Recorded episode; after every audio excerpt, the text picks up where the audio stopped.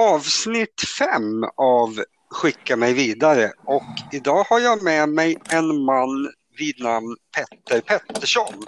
Eh, kommentator på Eurosport, egen tennispodd, eh, jobbar med media och håller just nu på otroligt mycket med sin telefon. Men jag tror du börjar bli klar där. Ah, vi ska säga en sak till om Petter. Inget eh, tekniskt geni, eller vad säger du min vän? Nej, det ligger väl lite senare. Jag är lite för gammal för att kunna allting sånt här. Men jag är ju rätt nöjd att jag fått igång det så pass bra. Ja, jag har lyckats eh, guida in dig. Hur länge har du hållit på? Du, du jobbar ju med tv kan man säga på alla möjliga sätt. Hur länge har du hållit på med tenniskommenterandet och med tv? Det känns som du har varit med ett tag. Ja, men tenniskommenterandet är nog, jag tror att det är nio år nu, som första gången som jag och Magnus Alsterback eh, blev inplockade på Eurosport när de skulle börja sända på Eurosport 2, eller sända, men när de körde så Australian Open har jag för mig 2011 var det första som jag gjorde där. Men sen har jag jobbat i, i, i mediasvängen, har jag jobbat egentligen, lite, börjat lite smått redan 2001. Och sen otrolig, har jag gjort. Otrolig rutin med andra ord. Tennisintresset då Petter? Du, du älskar ju tennis, eller hur? Det är din, du håller på med lite andra sporter, men det känns som att eh, tennis är din eh, huvudsport, eller hur? Ja, men det är där jag landar någonstans. Det, det är uppvuxen med det, har alltid varit i Båstad. Jag har haft en pappa som jobbar på, på tennisen från innan jag var född. Så jag skolade sig in i det där och var ju med. Både och spelade själv, var alldeles för vek mentalt för att kunna bli någonting. Och, och kanske inte heller talangmässigt, men, men visst fanns det någonting där. Men jag har ju levt med tennisen egentligen från, ja, men från jag kunde gå. Ja. Det är vek. Det är, vi har ju spelat tennis, Petter. Berätta, hur gick det? Nej, det kommer jag aldrig berätta. det, var, eh, det var ganska bra teknik faktiskt, men det var, det var mycket, mycket, mycket misstag. Vad kan det ha blivit? 6-4, 6-4 till mig någonting för hundra år sedan. Det måste vara... Ja, det är mer än fem år sedan. Det är det. Nej, det där är raderat ur mitt minne i alla fall. Helt preskriberat. Du, du, kan, du, kan, du kan lägga den historien precis som du vill. Jag kan, kommer inte förneka någonting.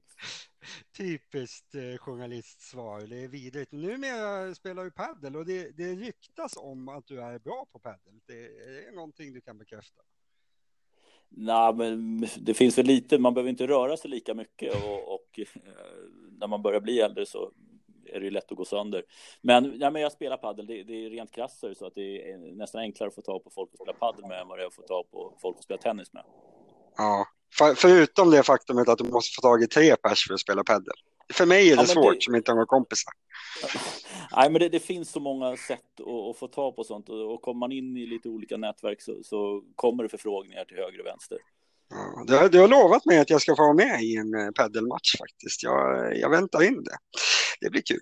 Eh, vi ska prata om tennis framför allt såklart, men eh, också alltså, mycket om kommenterande av tennis. Jag tycker, jag tycker faktiskt att det är spännande, för jag vet väldigt lite om det, hur det funkar, hur ni sitter. Alltså när ni, ni kommenterar väl alltid från hemmaplan i princip på Eurosport. Det är väl aldrig ni, ni åker ner till eh, turneringen, eller hur?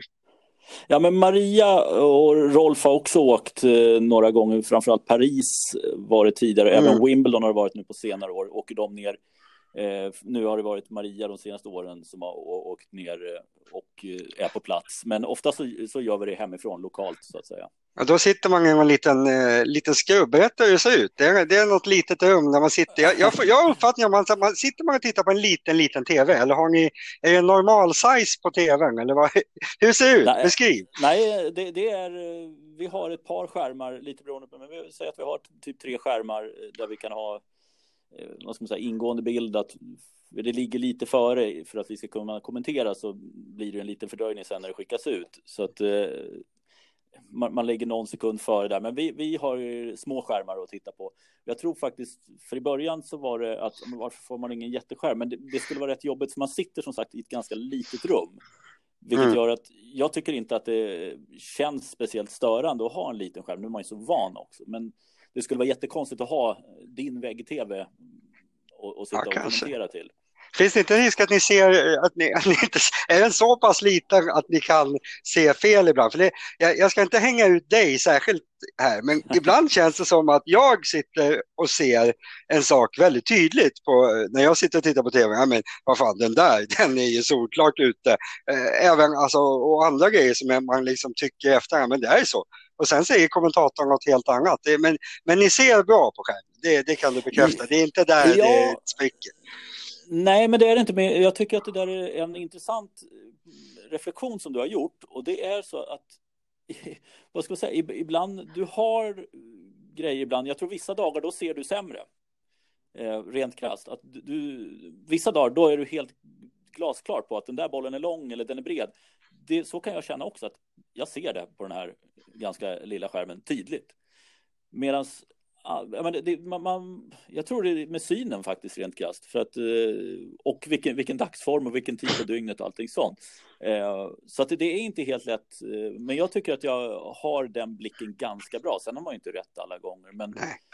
Men är det mycket annat att hålla reda på? Har man någon som snackar i örat på en? Har man en massa knappar att pilla med? Eller är det mest att sitta och, och snacka? Eller är liksom, det skulle jag kunna tänka mig att jag, när, vi, när jag och Sladjan spelar in vår podd till exempel, då klarar inte jag av att ens ha blicken på vårt körschema typ, för då blir jag helt stel och liksom förlorad. Jag blir skittråkig. Hur, hur är det när man sitter och kommenterar? Är det liksom 100% fokus eller har ni någonting annat som, som man måste göra samtidigt? Nej, men oftast man, man har lite regi som säger i, i lurarna där de berättar vad som ska hända. Att nu, nu går vi till sidbyte, nu går vi till reklambreak om 5, 4, 3, 2, 1 och sen så är man borta. Eh, men sen så är det klart att du, du kan ju inte, det vet ju alla som sitter och tittar på en hel tennismatch i, om man säger två och en halv timme. Du, det, finns, ja, det finns säkert något unikum som kan ha 100% fokus på, på en match i två timmar och 30 minuter. Det går inte.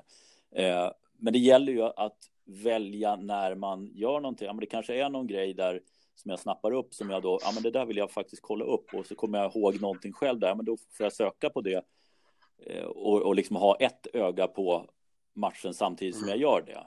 Eh, så, att, så att, och det är också, man bygger upp en rutin för det där. Vissa vill ha jättemycket antecknat och förskrivet eh, allting och portionera ut massa information.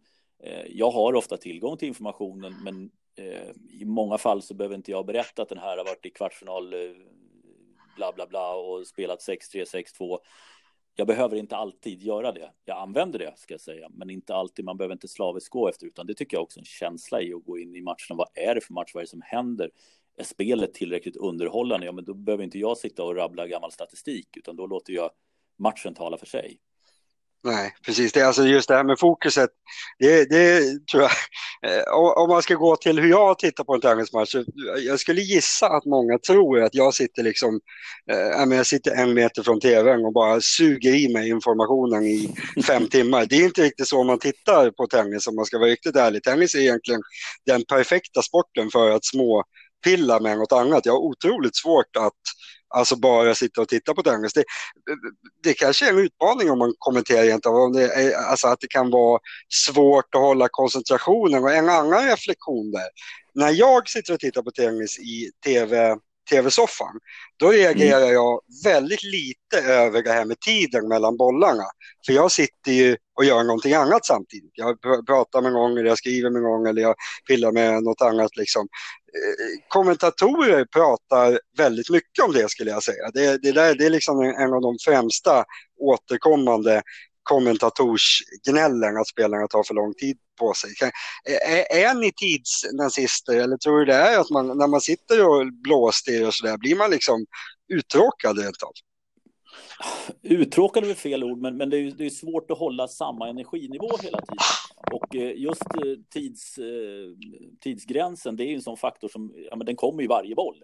Mm. Så att den är väldigt lätt att påminnas av och ibland när du har klockan, vilket jag, jag tycker det ska införas överallt, att ha, ha, ha klockan på banan så blir det nog en rätt återkommande. Sen förstår jag kanske om, om man tittar mycket så kan det nog bli rätt mycket upprepande. Mm. Men nu, nu, alla tittar ju inte som du gör heller David. Nej, så många, det ska man väl se någonting. Mm. Absolut. Kommenterande rent allmänt då Petter? Alltså, jag, jag skriver ju mycket, du, du läser ju mycket av det jag skriver, tror jag i alla ja. fall. Jag skriver ju väldigt mycket om kommenterande, för det är som du säger, jag ser ju brutala mängder tennis såklart.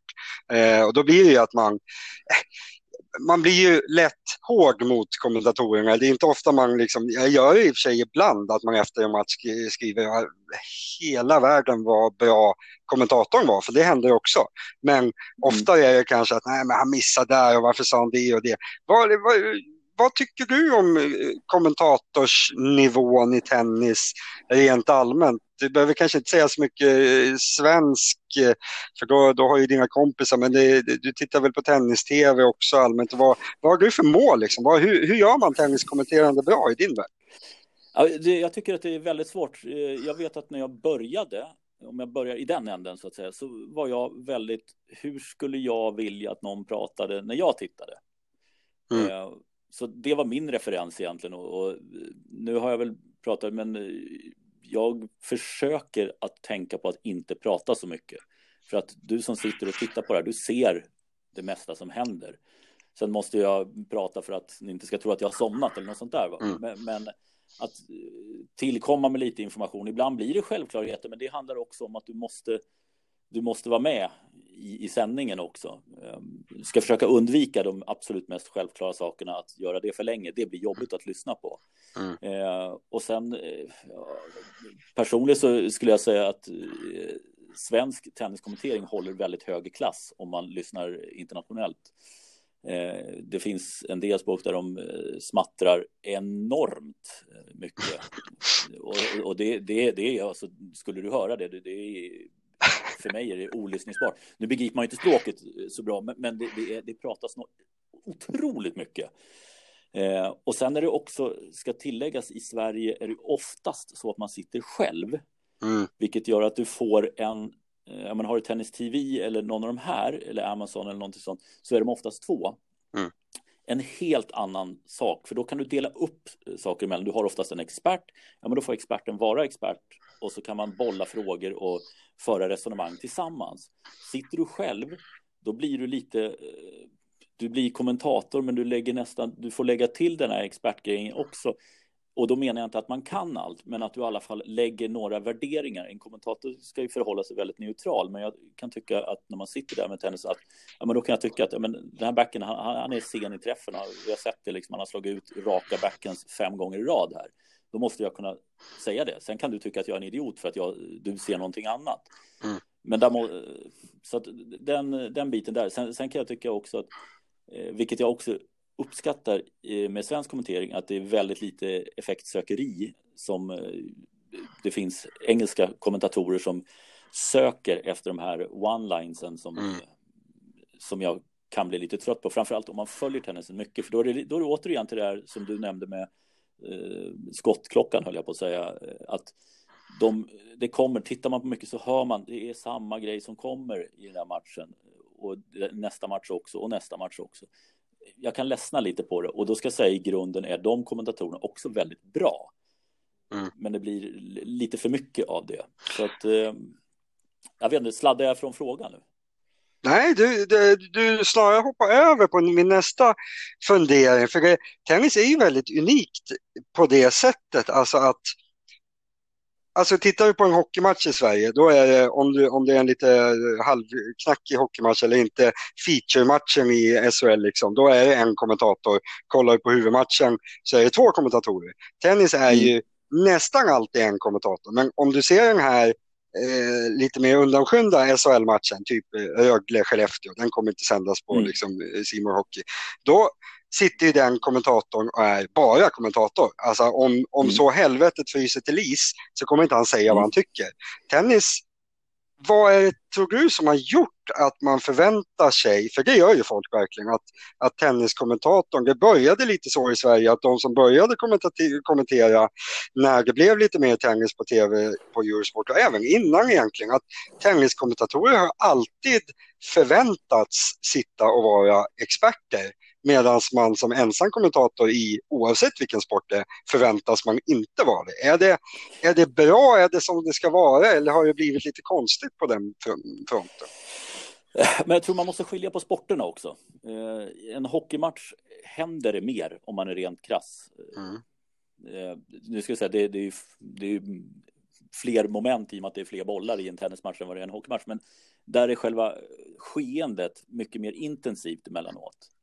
Eh, så jag, jag, tror också i, i tennisen så är det ganska lågt tempo, vilket gör att skulle du bara göra eh, som man gjorde förr, att Borg 40-15, mm. och jag du, du, skulle inte orka lyssna på det heller, för då blir det ju bara ett rent rabblande av vad du ser. Eh, och då, då kan jag tycka att, att, lägga till det. Sen är det ju en balansgång förstås, för du får inte sitta och tycka allt till höger och vänster hela tiden. Utan välj, välj vad du ska tycka. Eh, att jag råkar se någon liten grej där, ja men det kanske jag är tyst om eftersom det bara har hänt de tre första gemen. Sen kan jag ta det kanske efter ett set och två gem så upptäcker jag, ja men nu har jag, har jag han eller hon rättat till den här grejen. Då kan man ju nämna att, ja men vi såg i början så funkar det inte forehandcrossen överhuvudtaget. Nu har hon träffat bollen bättre, kommit längre fram i träffen. Då tycker jag, då kan man ju föra ett, eh, ett lägga in en sån grej. Eh, men eh, nej, det, är svårt när man är på insidan också att kliva utanför och eh, säga någonting sånt. Men jag, skulle säga just sporterna är så olika i, mm. i sin karaktär. Ska jämföra med golfen kanske snarare istället där det ja. är ännu mer sitta och, och slöprata. Där tycker jag i och för sig att det kanske Nej men där är ju ännu mindre kommenterande, där händer ju ingenting snabbt liksom. Så där blir det ju på något sätt, det är ju bara gamla golfspelare egentligen och Göran som kommenterar golf. Tennisen har ju blivit lite, lite hybrid av det där. Men skulle inte, din kostnadsfråga såklart, men ja. skulle inte det absolut överlägset bästa vara om man kunde ha två kommentatorer och kanske inte nödvändigtvis någon som är kommentator utan två som för ett resonemang. Jag tror i alla fall att det skulle vara det överlägset mest eh, underhållande om man, liksom, om man kunde få, få till några som har, eh, har kemi och kunna liksom sitta och bolla. Är inte det som är det bästa sättet att kommentera tennis? Jo, men jag, visst, absolut. Jag skulle säga att, att vara två stycken är, är en fröjd. Mm. Eh, jag har gjort det vid, vid ett antal tillfällen, men det, det är ändå väldigt minoritet mot hur många pass jag har gjort. Eh, så det, det, det, blir en helt annan dynamik och du, du kan föra samtal och det, det, blir mer intressant. Men rent krasst, eh, tennis i Sverige är inte stort idag. Det, finns inte en marknad för att ha en kostnad, precis som du säger, för att ha två kommentatorer på allting. Tyvärr. Ni får börja, alla som lyssnar får börja kolla på tennisen helt enkelt, så kanske, kanske det löser sig. Jag ska spinna vidare, vi ska prata tennis snart, men jag ska fråga en sak till vad du tycker om det. Eh, om du tittar på, säg, nu jämför jag med andra sporter igen, om du skulle titta på en NHL-match eller en Premier League-match, om en kommentator där en skulle verka, alltså antyda till att hålla på ett av lagen, då skulle det vara, alltså den skulle inte få kommentera en match någonsin. Om Niklas Holmgren, det spelar ingen roll, han håller väl på något lag, men om man skulle kommentera det laget och det skulle verka som att han blir mer glad när de gör mål. Alltså folk skulle ju riva eh, sina kontrakt med Viasat liksom. Det skulle, eh, ja, folk skulle bli väldigt, väldigt arga. I tennis, skulle du säga att kommentatorer är neutrala eller min, jag skriver ju ofta om, ofta inte så mycket numera kanske, men det här Federer-frosseriet som finns. Liksom. Är, det, är det rimligt eller har tennisen hamnat lite snett i kommentar, eh, kommenterandet? Ja, först skulle jag säga att du, eh, det är tur att du inte är på insidan för du skulle bara veta hur mycket det är. Det spelar ingen roll hur neutral du än är du får skit från ena lagets supportrar, andra lagets supportrar och det, det menar jag verkligen. Jag har väldigt få favoritlag om ens något. Eh, och, och jag kan ju sitta och titta på hockeymatcher eller fotbollsmatcher och det, det är ingenting, det är, det är kommenterat. Mm. Och sen kan man prata med, med eh, kommentatorn sen som, ja men då har de fått mail, det är via Twitter och allting att ja, men du, du håller bara på de här, du håller bara på de här, du bara kommenterar så här. Mm. Men det, det är lite, lite det jag menar. Jag tänk, alltså, min uppfattning är ju att det är mycket, mycket, mycket, mycket mer så i tennisen. Det, alltså, jag förstår, det är säkert så i andra sporter ändå. Men jag, är jag som är enögd och tycker att tenniskommentatorer ibland Alltså det är ju Federer det handlar om. Att man, mm. när man kommenterar en Federer-match så är det liksom Eh, nej, men det, det, det, bästa exemplen är ju, vi behöver inte nämna namn, det är egentligen både svenska och delvis utländska kommentatorer också. Att man liksom, man ser egentligen matchen bara ur ur hans eh, synvinkel. Alltså, man ska också tänka på då att 90% av de som tittar håller ju på Federer. Är det en aspekt mm. man ska ta hänsyn till eller ska en tenniskommentator alltid vara neutral så länge inte är en svensk? Ja, men man ska ju förhålla sig så neutral man bara kan. Jag tror att i ditt fall, eh, utan att säga, så tror jag att du, du är redan förprogrammerad på att du mm. tittar efter den. Så att du, du, får, du får oftast bekräfta din tes av att någonting kan du... Jag är inte neutral heller, det ska man ju säga. Nej, jag är nej, absolut nej. inte neutral när det gäller Federer, så det, det, är klart att jag är en del i det. Men, ja, men, ja. men, men, men, men visst, alltså det, det, är klart att eh, har du eh, Roger Federer och eh, ja, vad fan ska vi ta för någon? Vi kan ta Marcel Granollers. Mm det är klart ja, men jag, jag tänker ju Federer Nadal här eller Federer Djokovic. Ja. Det, det, är det jag gör liksom. Jag skiter i, det är fullt rimligt att man bara ser Federer när jag möter, möter Granollers liksom. Men när ja. jag gör de här stora matcherna och det framstår som att de, det, kan, det kanske är jag. Eller är det liksom någonting som man accepterar inom tennisen? Ja, ja, det är väldigt svårt att, säga. Om jag, om jag skulle säga, det är, jag tror ingen medvetet verkligen går in för att vara pro Federer i det här fallet eller någonting sånt. Det tror jag verkligen inte. Jag har väldigt svårt att se det. Jag har aldrig själv ens tänkt tanken när det har varit en sån stor match. Eh, de få gånger jag gjort den typen mm. av matcher så är det bara att fan, det här är ju en fantastisk match. Det är det som jag går in i. Mm. Sen, sen är det ju som i, ja, nu kan jag bara prata för mig själv, men då blir det ju att, ja men jag skiter i vilket lag som vinner. Det gäller fotboll och det gäller hockey också det laget som spelar bäst, ja, det är bara att lyfta på hatten och, och då ska, ska de lyftas i, i, det. Och det behöver inte betyda heller att man, man, man håller på, men, men sen är, finns det väl andra påverkansgrejer. Som du säger, du har uh, ofta utländska kommentatorer. Det är, kan också då, om man nu går, driver din tes att det lutar åt det hållet, ja, men då kan det bekräfta. Publiken är ju i stort sett alltid på mm. exempelvis Feders sida. Eh, det är klart att det spelar in någonstans i vissa delar, men jag tror inte att du kan eh, säga att eh, de sitter och håller på Federer. Mm. Det, det, är möjligt att du kan tycka att de höjer, höjer rösten lite mer makalösa grejer när Federer gör det kontra när Djokovic gör det, även fast grejerna är lika svåra, lika fantastiska. Så att det, ja men det, jag, Ja, nej, men jag, jag vet hur, hur svår den där balansgången är med, med allting. Så att, eh, nej, jag, jag tycker inte. Jag, jag skulle eh, vara väldigt förvånad om någon var väldigt pro inför en så stor match. Nu har jag, nu har jag en grym övergång här Petter, vet du det? Nu, håll i dig här, för min nästa punkt alltså utan att jag har eh, möblerat om här, är att jag ska göra samma sak med dig som jag gör med alla som är med. Du måste välja Roger, Raffa eller Novak. Så nu, liksom, nu när du säger ditt svar här, då kommer alla mm. bedöma dig efter det nästa gång du kommenterar. Det kommer bli skitjobbigt här. Oj, ja, eh, och det var inte, en, inte ens en antingen eller, utan det är antingen Nej, eller. tre, ja precis. Ja, uh, det är nästan så att du måste ranka dem. Du måste liksom säga vem du tycker minst om också. Uh, ja, men jag tror faktiskt att den jag skulle kunna sätta längst ner av de tre. Och det, då vill jag poängtera, det är inte att jag ogillar den här.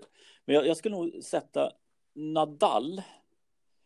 Uh, för jag tycker att han har töjt väldigt mycket på, på vissa typer av, på banan. Bara mm. just det, spelmässigt tycker jag han är fullkomligt fantastisk. Det, det är liksom makalöst det han har gjort, hur många gånger han har kommit tillbaka, hans effort till att eh, komma tillbaka. Och... Ja, ja, ja, du, ja, du satte honom som trea. Du. Ja. Petter Pettersson hatar Rafael Nadal, det, det är så. Tvåa då, Vem, ta oss uppåt. Tvåa är faktiskt, det, det här det har jag oerhört svårt att, att göra någon idé för att jag, jag kan föra ett resonemang här som är ganska kort nu Eh, är att Federer har ju en mer spektakulär aura om man tittar på, går igenom klipp och sådana grejer. Eh, och har väl, jag menar, odlat sin image jävligt bra. Jag kommer ihåg när han satt och surade när han åkte ut kvalet i Stockholm Open och, och var skittjurig och skulle åka hem till Peter Lundgren och käka middag. Skulle skaka fram en bil till honom. Eh, det låter ju, låter ju som en jävla historia för En, en ja. grinande Federer ska liksom försöka fraktas hem till Peter Lundgren. Ja, det ja. Jag, gillar, jag gillar bilderna i huvudet, det gör jag. Ja, ja men, men det är, alltså rent Novak Djokovic sätter jag som nummer ett. För att det, det han har gjort är att han har tagit liksom ytterligare ett steg. Eh, och jag tycker att han har kunnat göra det under så lång tid. Och nu menar du bäst, liksom, om du tänker, ja, vem, om de möts, hejar du på Djokovic ofta? Om du inte kommenterar såklart, sitter du liksom, ja. man behöver inte heja på samma varje gång, det gör faktiskt inte jag heller, men hejar du oftare på Novak än på Roger? Ja, nu för tiden blir ju det i och med att Novak är längre fram i, i alla mm. turneringar. Ja, jo, ehm, får fler chanser. Ja, nej, nej, men rent för att han är, det är så otroligt fascinerande att titta på honom och hur han bara liksom trycker ner vem som helst som står på andra sidan nät. Eh, sen, sen, eh, som du säger, så kan det väl vara någon annan match när, när om Federer skulle ha gjort någonting makalöst eh, fram som man kanske önskar lite mer i det fallet att han skulle få lyckas den här gången med, med att göra det. Mm. Och det gäller även Nadal också. Det, det är så här, jag, jag, önskar nästan att Nadal går bra i, i de andra tre slamsen och att, att, någon trycker till honom på gruset bara för att mm det, för på gruset känns det så nästan tråkigt är ju att ta i, men det är nästan förutsägbart, för förutsägbart. Nästa gång blir han, i, i september Petter, då får han stryk. Då får han grusmöj, jag känner i hela kroppen. Då händer det. Ja, ja, det ska vi hålla i minnet. Så du tycker inte, du tycker inte att, eh, för att fasta lite, alltså alla tycker att Federer är roligare att titta på. Du är inte med i den ringhörnan. Jo, men, ja, men det, det kan som, som sagt, han kan vara roligare att titta på för att han kommer med, med mer, mer spektakulära slag, slagval. Eh, Medan Djokovic är, är, ju en maskin på mm. ett sånt fantastiskt sätt som är eh, och snyggt dessutom tycker jag hela hans spelsätt. Det är Federers också för övrigt. Den som är yvigast är väl eh, Nadal av de tre och då är jag vänsterhänt själv och du är också vänsterhänt. Just det. Eh, vilket borde vara att man, att man attraheras av det. Men, men det är nej. Jag, där är det någonting. Men det, som sagt, det, det är otroligt hårfint för det är just den här matchupen de här tre emellan framför allt. Även Murray på sin tid också Eh, Eh, och Wawrinka kunde också vara en sån som man verkligen ville få in i det där och tyckte det var jävligt häftigt när han kommer och blåser till och med Djokovic av banan. Eh, så att, men, men av de tre så, alltså, ja men säg lövtunn marginal, men jag skulle sätta Djokovic, Federer, Nadal. Mm. Bra, jag, jag, hade noterat här tvinga fram svar, men det behövde, jag inte. Det var, det var lite liksom inlindat här, men jag tycker ändå jag fick en. Nej, jag, jag, jag, jag känner mig nöjd.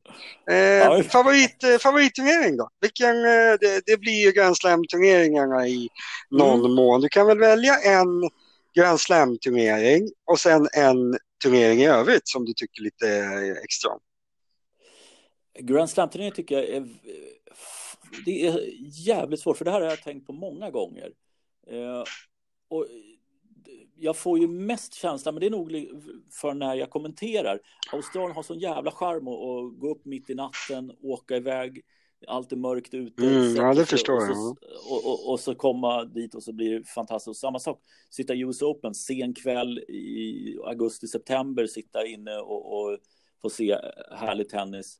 Så de, någon av de två skulle jag nog välja faktiskt. Uh, Otippat ändå. Det hade jag inte. Det, det, är nog inte många som väljer det, men jag, förstår helt aspekten. För mm. jag skulle, om jag fick samma fråga, hade jag ju valt Wimbledon eller Franska öppna för att det är för mig de största turneringarna. Mm. Men de man har mest glädje av är nej för min del inte Australien för det, det är för knackiga tider för, för mm. mig. Men jag har full förståelse för det när man, när man jobbar med det. Måste, vara, det måste bli något otroligt fokus på tennisen på något sätt då, för då, då, då, då lever man ju för det på ett annat sätt. Men ja, då, ja du har ett men, konstigt men, val. Vilken tar du? Ja, då väljer jag faktiskt, och nu väljer jag också på eh, Australian Open. Eh, tiderna är jätteskeva, vilket jag gynnas av att, av att jag går upp i natt, mitt i natten och ser väldigt mycket mer än vad många andra mm. ser av den anledningen. Men också för att du har hela året framför dig. Eh, tar US Open, som är också otroligt roligt, som, som jag då resonerar om, det är att ja, men då vet man att när det här är slut, ja, då är det fan med några månader innan det hettar till mm. på riktigt igen. Ja. Ja, väldigt så... intressant. Otroligt viktig aspekt tycker jag. För jag, jag är ju väldigt, väldigt mycket sådär att någon, när någonting är på väg att ta slut, då är det mm. sällan särskilt roligt. Vissa är ju precis tvärtom, att då ska man liksom passa på och, och njuta av vad det är. Så man skulle säkert kunna snacka för US Open på det sättet, men så är ju verkligen att, som du säger, med Australian Open att man har allt framför sig. Och eh, egentligen är ju hela grussäsongen så. Nu, nu blir det inte så mycket ja. grussäsong, men tänk om det hade varit som vanligt nu. Vilken tid man hade framför ja. sig då. Och det är därför alltså de här Indian Wells och Miami som skulle ha spelats nu. Det är egentligen några av de mysigaste och bästa turneringarna skulle jag säga. Just för att man vet att nu kommer det vara supermagi i ja, det hade varit supermagi i ett halvår. Istället får vi super-icke magi i ett halvår. Det är tufft. Men bra, bra Petter. Jag tror aldrig jag har hört någon jag skulle väl vara Tompa Johansson då. Han har ju möjligen, ja, möjligen lite anledning att säga Australian Open. Men Exakt. Någon annan, eh, den har, har den inte lite mindre status än de andra tre? Det, jag kan säga att när jag började följa tennisen på 80-talet så var det en helt annan status. Då var, den ju... blev väl Grand Slam långt efter de andra, eller hur var det där? Den, de, Nej, de bästa spelade den inte först och allt vad det var. Nej, Exakt, så mycket så var det ju. Borg tror jag inte spelade där många gånger och, och det låg konstigt i, i, schemat på den tiden också. Eh, och spelades på gräs dessutom, så det, det, var ju mycket sånt. Så att eh, jag tror att den har ju nog höjts upp. Jag, jag skulle nog, för min del så är det ju, eh, tycker inte jag att det är någon skillnad, för man vet att alla är ju där. Mm. Och, och, det är ju just de här måttstockarna, men vem, vem, har gjort prepareringen inför säsongen bäst? Vem, vem lyckas liksom lyfta sig själv det där extra som behövs i början. Nu har det ju bara handlat om en handfull spelare som har kunnat göra det. Men i alla fall, det, är otroligt. Eh, ja, men det är just det att man har varit svältfödd också på att mm. få se tennis på den nivån. Så att, slags, nej, det, det, är bara påhitt det där egentligen, att man säger, alltså när jag säger som jag säger nu, att den har lite sämre status, ja, varför då? Alltså alla spelare är ju ja. med, den har varit mm. eh, Grand Slam typ alltid, i alla fall som jag ser på, alltså i modern tid. Mest prispengar i den var det väl i alla fall nyligen. Nu kanske den har blivit omsprungen, men det finns verkligen ingen som helst anledning egentligen. Så jag vet inte eh, varför jag eh, säger så. Helt ologiskt. Eh, nu ska vi hoppa, hoppa fram ja. efter, efter sommaren. Vad händer tror du? Kommer, kommer det vara som det har varit? Eller kommer, jag, jag utgår ifrån, ska jag säga, att spelet kommer komma igång ja, men US Open, typ. Vi, du får mm. inte lägga din... Ja, vi säger att det kommer igång US Open. Kommer det ha hänt någonting? Ja. Uh, I styrkeförhållanden liksom? Nej, det tror jag inte. Det tror du inte? Chapovalov, kommer han, kommer han vara, alltså han, han är två år gammal och har ett halvår på sig. Kommer inte han ha blivit bättre? För att ta ett exempel. Ja, det kan ju vara lite brist på att du inte har matchats mm. speciellt mycket. Vi kommer nog få se, de, de hittar nog och trä, spela mot varandra, men det är en annan sak att komma till en, en slamturnering eller om man skulle lyckas få igång Cincinnati eller någonting sånt innan.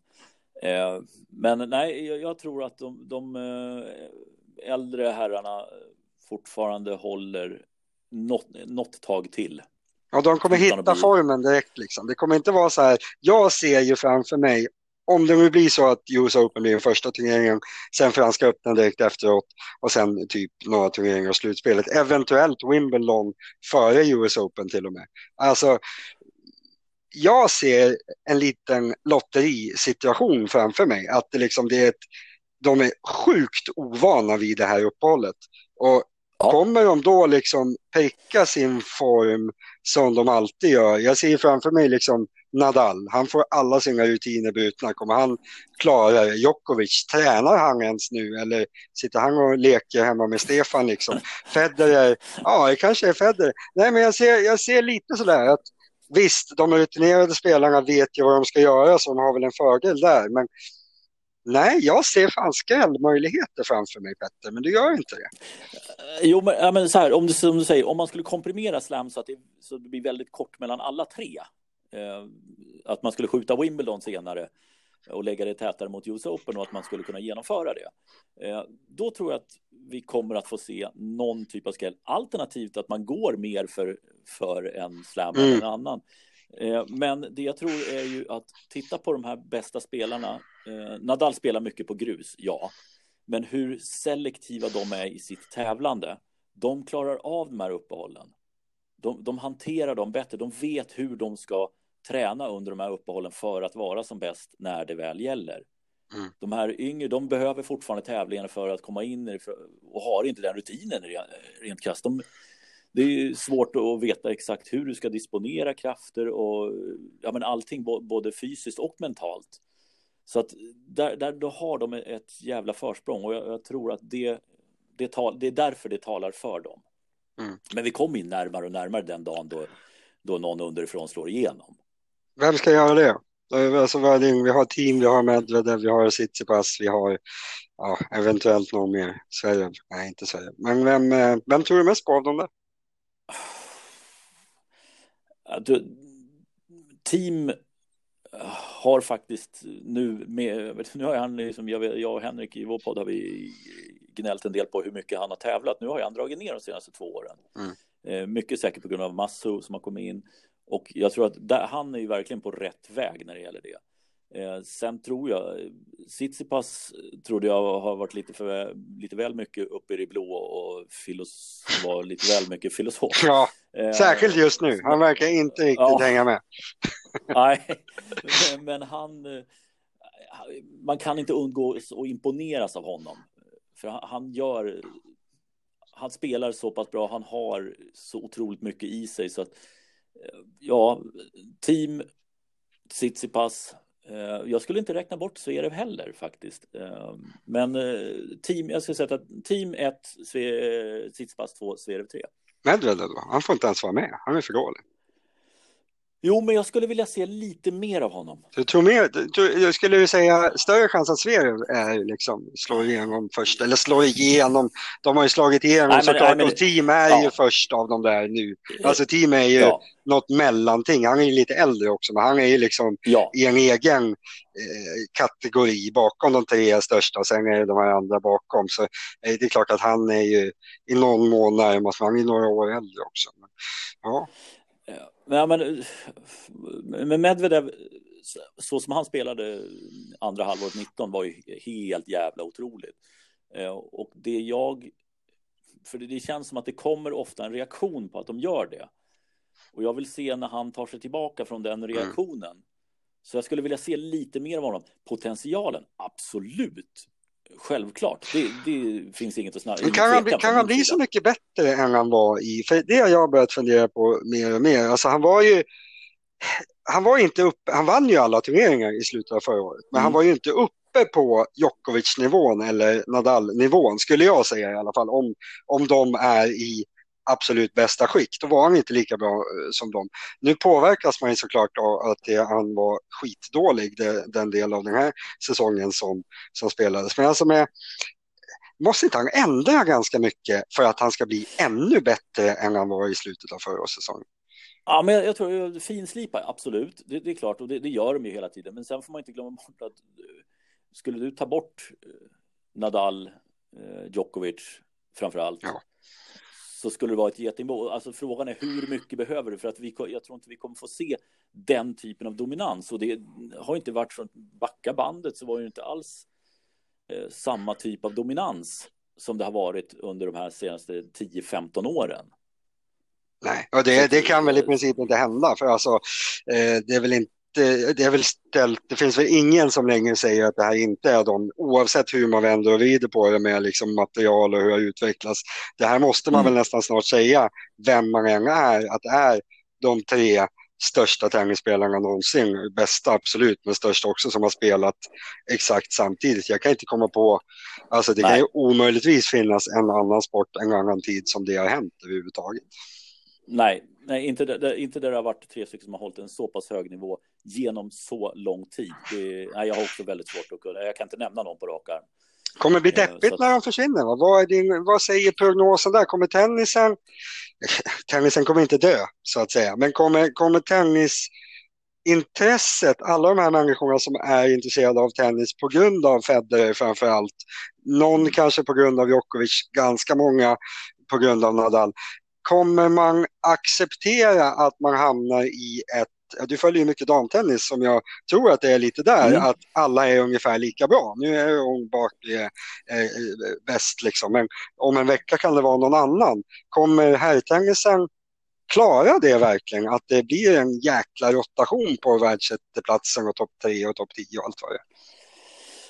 Svårt, för, för jag är lite både och. Det, det är det här att det, fråga en allmänt sportintresserad om de kan nämna vilka spelare som är topp 10 så kan de nämna tre stycken, kanske mm. fyra. Sen tar det tvärstopp och, och, då pratar vi ändå om de tio bästa i en global sport som är faktiskt ganska stor, även om vi inte kanske tror det i Sverige ibland. Eh, jag, jag, jag, tror det kommer dröja ett tag faktiskt för att det har varit så enkelt att hänga upp det på just de tre eller fyra, fem mm. om man nu tar i lite grann. Så att det, det, det, kommer bli mer, vad ska man säga, slätstruket, det kommer nog bli.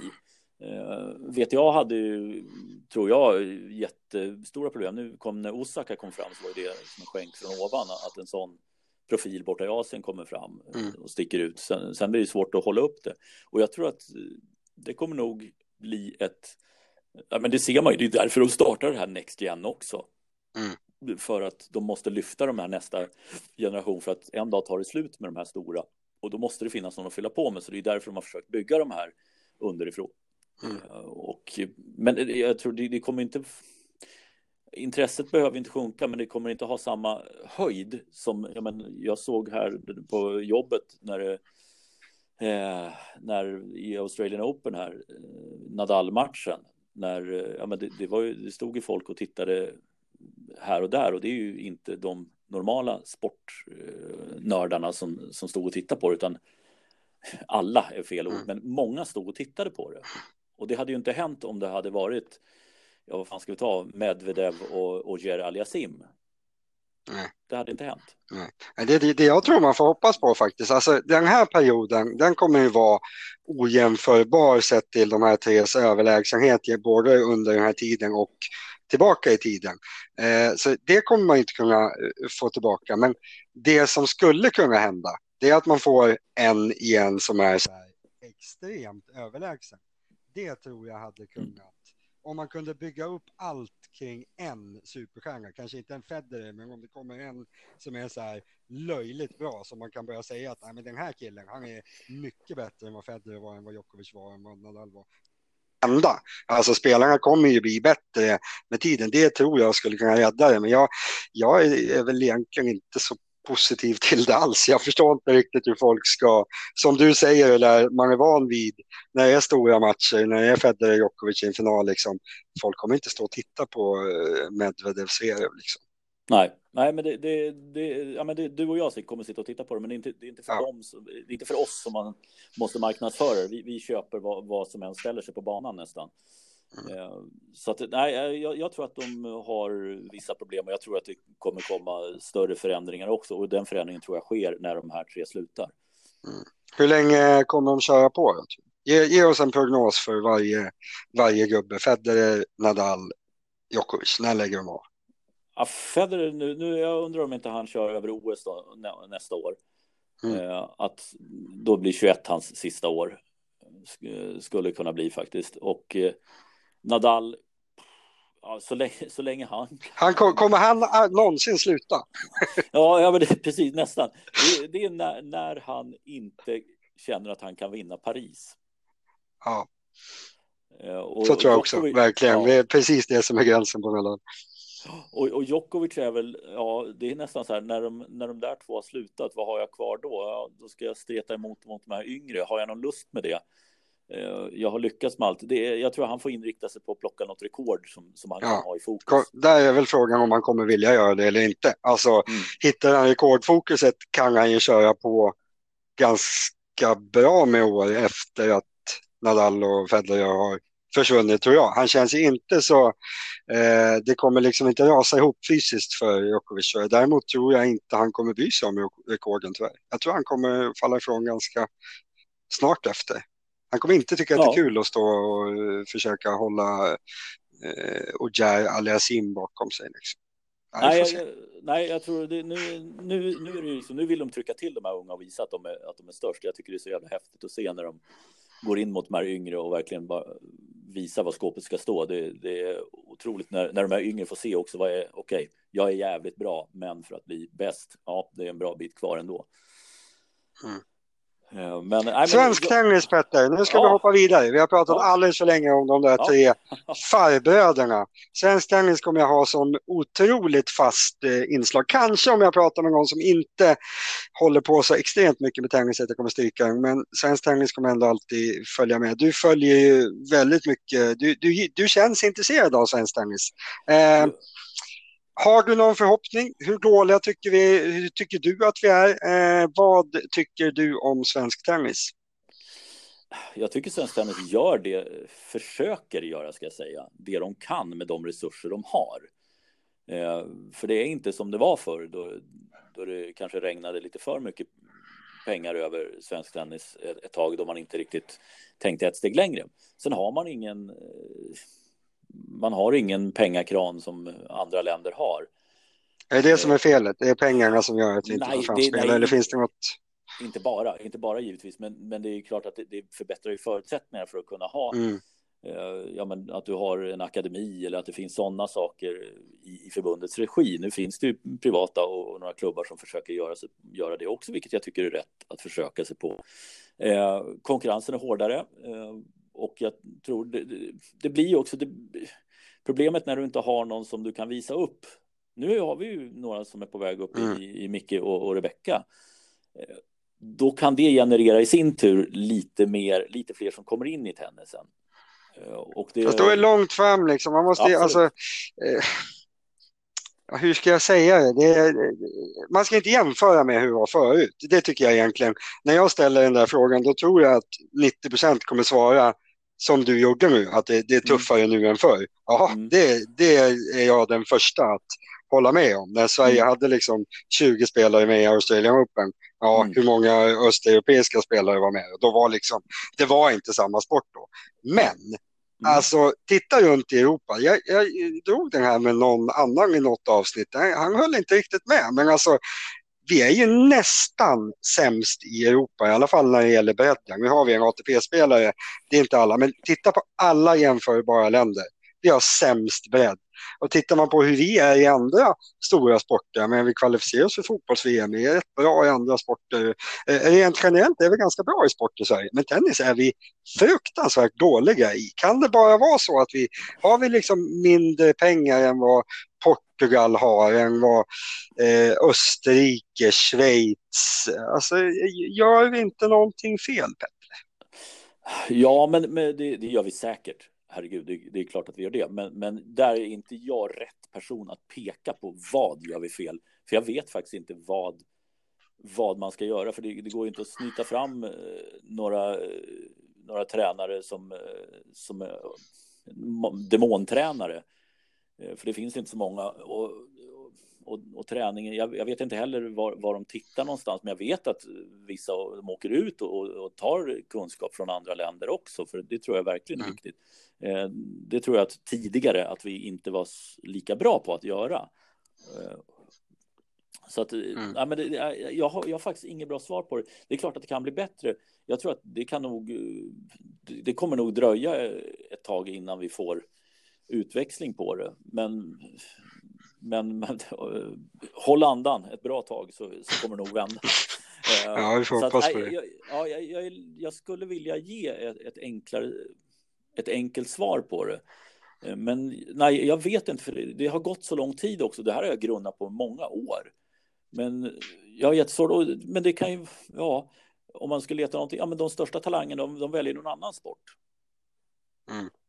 Ja, vad, vad Varför då? Var, alltså gör de inte det i Portugal och inte i, i Schweiz och Österrike och Ja, men det, det, de, väljer, de största talangerna väljer nog andra sporter där också. Ja, så, precis. Ja. Jag, jag, det, det, jag, det jag famlar efter här, eller vad mm. man nu hela vägen säger, det är att vad man än säger egentligen, så landar man i att äh, men det är så i andra länder också. Att alla argument man kastar fram, mm. att äh, men folk sitter hemma, folk väljer andra sporter, det finns inga eh, direkta resurser. Alltså, du kan hitta tio, kanske inte tio, men fem andra europeiska länder som är lika stora som oss, men där de liksom nej, de får kanske inte fram någon världsetta. Alltså, Schweiz och Österrike, då menar jag inte att Schweiz har två av världens absolut bästa spelare, att Österrike har en av världens bästa spelare. Jag menar att de har, de liksom hela tiden puffas det ut någon spelare som landar 90 i vägen eller någon spelare som är 150 i vägen, några spelare som är 300 i vägen, några spelare som är... Alltså alla andra länder har ett helt gäng spelare som är professionella. Mm. Sveriges sånt gäng, de åker ut och spelar, åker liksom till Turkiet fem veckor, sitter där och vad de nu än gör, skaffar sig inga rankingpoäng, ligger rankade 700 i vägen i tio år och har sen helt plötsligt slutat. Alltså, jag skulle vilja att man, Nej. det ska inte vi lösa här, men jag tycker att det är jäkla konstigt att man inte, någon som jobbar med det här, borde i alla fall ge sig på en förklaring mm. till varför det är så här. För absolut, många olika förklaringar, men det är för dåligt. Vi har inga professionella spelare mm. egentligen, förutom bröderna Iber. Det, det, är ja, inte bra. Det, det, är, det är dåligt.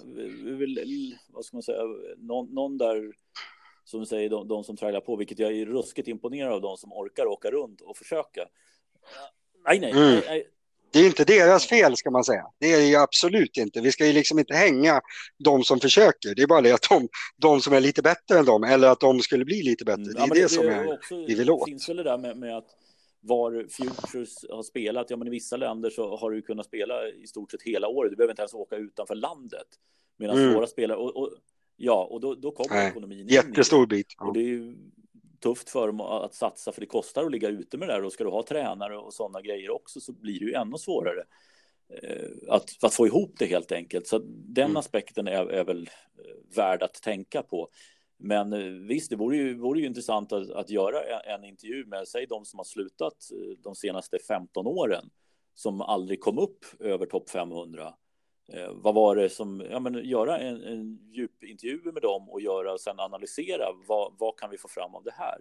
Eh, men sen måste det ju börja tidigare också. Det, det är väl det också. Det, det, det är svårt. Mm. Också, men förr, förr om åren, om man nu återigen jämför bakåt, vilket vi inte skulle göra, men, men då, då fanns det en tydligare, då fanns det bra spelare över nästan hela landet. Det fanns 5, 10, 15 som var riktigt bra i samma årskull. Vilket gjorde att du hade sparring, du hade tuffa matcher på hemmaplan från väldigt tidigt. Idag är det inte lika stort. Du har eh, Leo Borgs åldersklass, där har det funnits ett par spelare som har hållit en förhållandevis hög nivå i Sverige i alla fall. Om än tufft när de har kommit ut internationellt. Men där har det i alla fall funnits ett större koppel med spelare som har kunnat sparra mot varandra. Och det, det tror jag också har hjälpt tidigare till att få det bättre.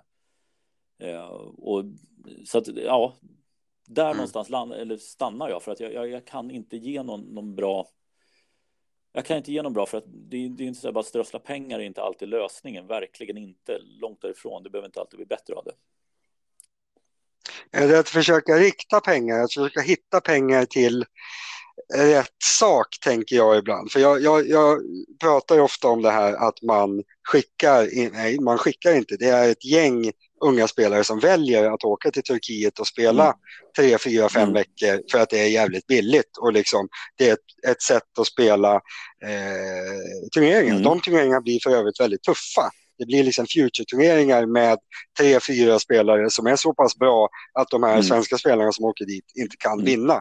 Så det blir lite destruktivt att de liksom känner, nej jag håller inte på den här nivån fast det finns andra turneringar på samma nivå mm. på andra ställen där de hade kunnat kanske vinna. Så det jag tänker att om man nu satt i man kommer tillbaka till Tennisförbundet på något sätt. För det är väl, jag, jag förväntar mig någonstans att någon eller några där skulle sitta och jobba med att Sverige ska försöka bli bättre i tennis. Och är det man skulle göra då kanske försöka driva in pengar till att hela tiden ha möjlighet att skicka ett gäng ner i Mellaneuropa och spela några veckor, några gånger om året med en ledare med sig. Ungefär som, som tennisspelarna gjorde, får jag för mig, på liksom 80 och 90-talet. Att de, de gick ihop och så åkte de buss ner och spelade på ett liksom mm. mer hälsosamt sätt. Det är så man gör för att utvecklas och tävla i tennis. Man åker inte på en charterresa och bo på ett charterhotell och äter buffé och liksom spelar tennis lite vid sidan om. Det är inte professionell tennis.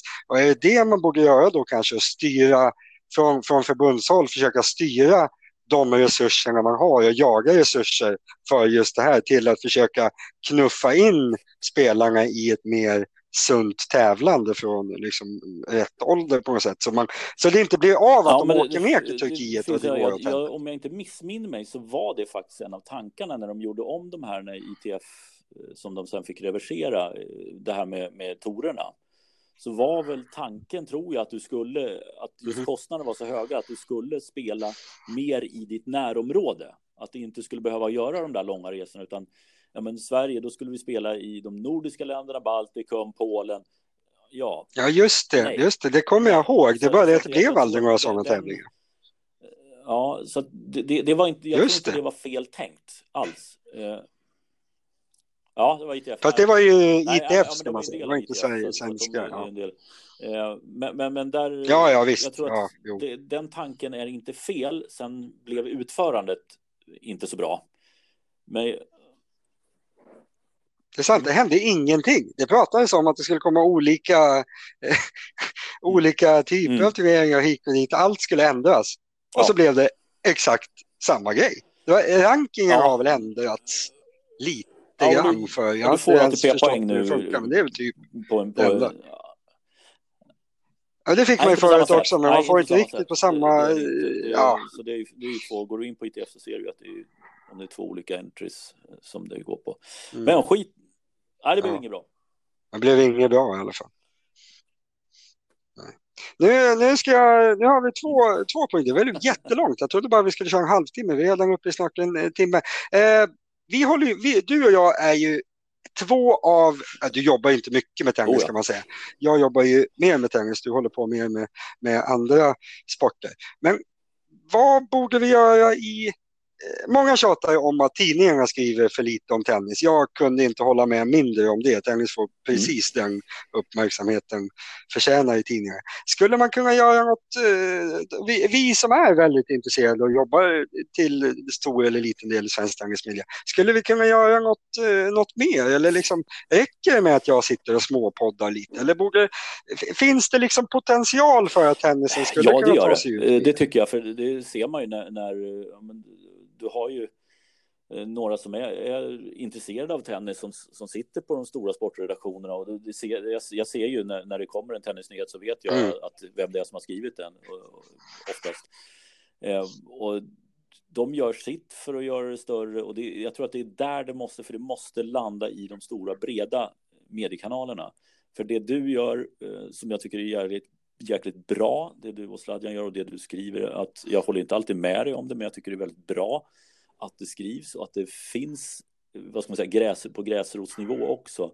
Men vi talar ju nästan till en redan, liksom, till vår församling, höll jag på att säga. Det, det, ja, så det, det, är väldigt svårt. Jag absolut, det ja. måste upp högre upp och du har en poäng i att det, det får den uppmärksamhet det förtjänar Eh, i, i mångt och mycket. Sen finns det väl små nyanser som man kan tycka att det här borde man ha dragit på större eller si och så. Å andra sidan så kommer det rubriker ibland som man bara oj fan, mm. det där blev en artikel också. Uh, så att. Mm. Men jag tänker väl mer att liksom skulle, mm. alltså det mm. sänds ju väldigt mycket tennis på tv. Det är ju positivt, alltså väldigt mycket tennis på tv. Uh, som jag tycker skrivs ganska mycket. Men om man tittar på många andra sporter, alltså de här vad ska mm. man säga, feature-grejerna. Alltså det, det, finns inget tennismagasin, det finns inget, eh, liksom, eh, ten, tennis syns inte i SM-veckan överhuvudtaget. Skulle man liksom, Nej. det finns ingenting runt tennisen. Skulle det vara möjligt, finns det någon potential för att det någon gång kommer komma liksom ett tennismagasin på svenska i en stor kanal eller på Expressen och Aftonbladet? Eller är vi för små för det? Ska, vi bara, ska man nöja sig med, med, med det vi har? Liksom? Är det där är reserverat äh, för fotboll och hockey? Liksom? Äh, nu ska jag säga, min, min egen så här, korta svaret, ja det är för litet. Eh, sen att jag skulle önska, mm. för jag vet att det finns, skulle finnas väldigt mycket att kunna mm. dissekera när det gäller tennisen. Det, det, det, vet jag att det gör, men, men som sagt, det, det, är nog väldigt svårt och det är svårt att fånga upp en bredare publik på en tennis. Eh, och sen, sen är det ju rättigheter också. Då sitter mm. man på den, de sitter på den rättigheten, de sitter på den rättigheten och sen tredje sitter på den tredje rättigheten, då är det väldigt svårt också för att det är en kostnadsfråga bara där. Vilket gör det oerhört svårt och oerhört komplext att försöka få ihop mm. någonting. Tyvärr. Deppigt men sant. Jag tror också att du... Ja. Jag hade hoppats på att du skulle munta upp det, men jag tror att du har 100% eh, rätt. Ja. Jag tror inte att det går. Sista punkten Petter. Skicka mig vidare. Vem tycker du att jag ska spela in? Inte nästa avsnitt kanske, jag har en del inplanerade, men eh, någon eh, helst eh, åtminstone halvrealistisk som jag eh, ska spela in ett avsnitt. Mm. Eller två. Eller vi kommer förslag. Det, fan, det där var inte riktigt förberedd. Jag, jag, tänkte att jag skulle vara förberedd på det här, på en sån fråga, och så glömde jag bort den och så fan. Jag har förberett ja. alla andra förutom dig på frågan innan, men jag tror jag sket i eh, när det gäller dig. Du, det kändes liksom som, som ett proffs. Jag, du, borde, du borde bara ta Nej, det här på uppstuds. Men, men vill du ha betänketid då? Jag jobbar just både med, med material och min kommentatorskollega. Det blir ju li, lite inavel, men, men som har ett, också ett annat perspektiv på det med, med tennisspelande son också i Magnus Alsterback. Eh, som jag tycker har, eh, ja, men mm. han, han, har mycket tankar om, om tennis och dessutom jobbar i tennismiljön eh, på, på flera olika sätt är, är rätt intressant att lyssna till. Eh, mm. Sen är det väl frågan ja. om, ja du, eh, man skulle vilja ha någon från sidan som ser lite utifrån också som som inte är Ja. Det är det som är lite, lite målet, men jag har ju upptäckt att det, det, det är... Ja. Det är kan vara svårt. svårt. Fasiken också. Jag skulle vilja på, komma på en kvinna, jag sitter och funderar på, på liksom var, var man skulle gå, ja, men som, som, har ett, som får ett annat ett annat perspektiv både på, på tennisen mm. och kanske har ännu bättre koll på damsidan, men alltså en total överblick utav tennis. Men jag, jag, kan inte komma på något bra just nu, för Maria och Åsa är inblandade i Tennisförbundet båda två. Så jag skulle vilja ha, det är det som jag klurar på. Men jag kommer inte på någon. Ja. Nej, du får återkomma. Nu har du rullat iväg alldeles för mycket här. Vi är en, över en timme Petter. Jag, vi hade ett program som var hälften så långt som jag haft med de andra, men ändå så pratade vi ja, nästan längst. Det är imponerande. Stort ja, du, jäkla tack för att du var med, hörru du. Det var kul. Ja. ja. Och så återkommer jag med någon helt annan eh, ganska snart.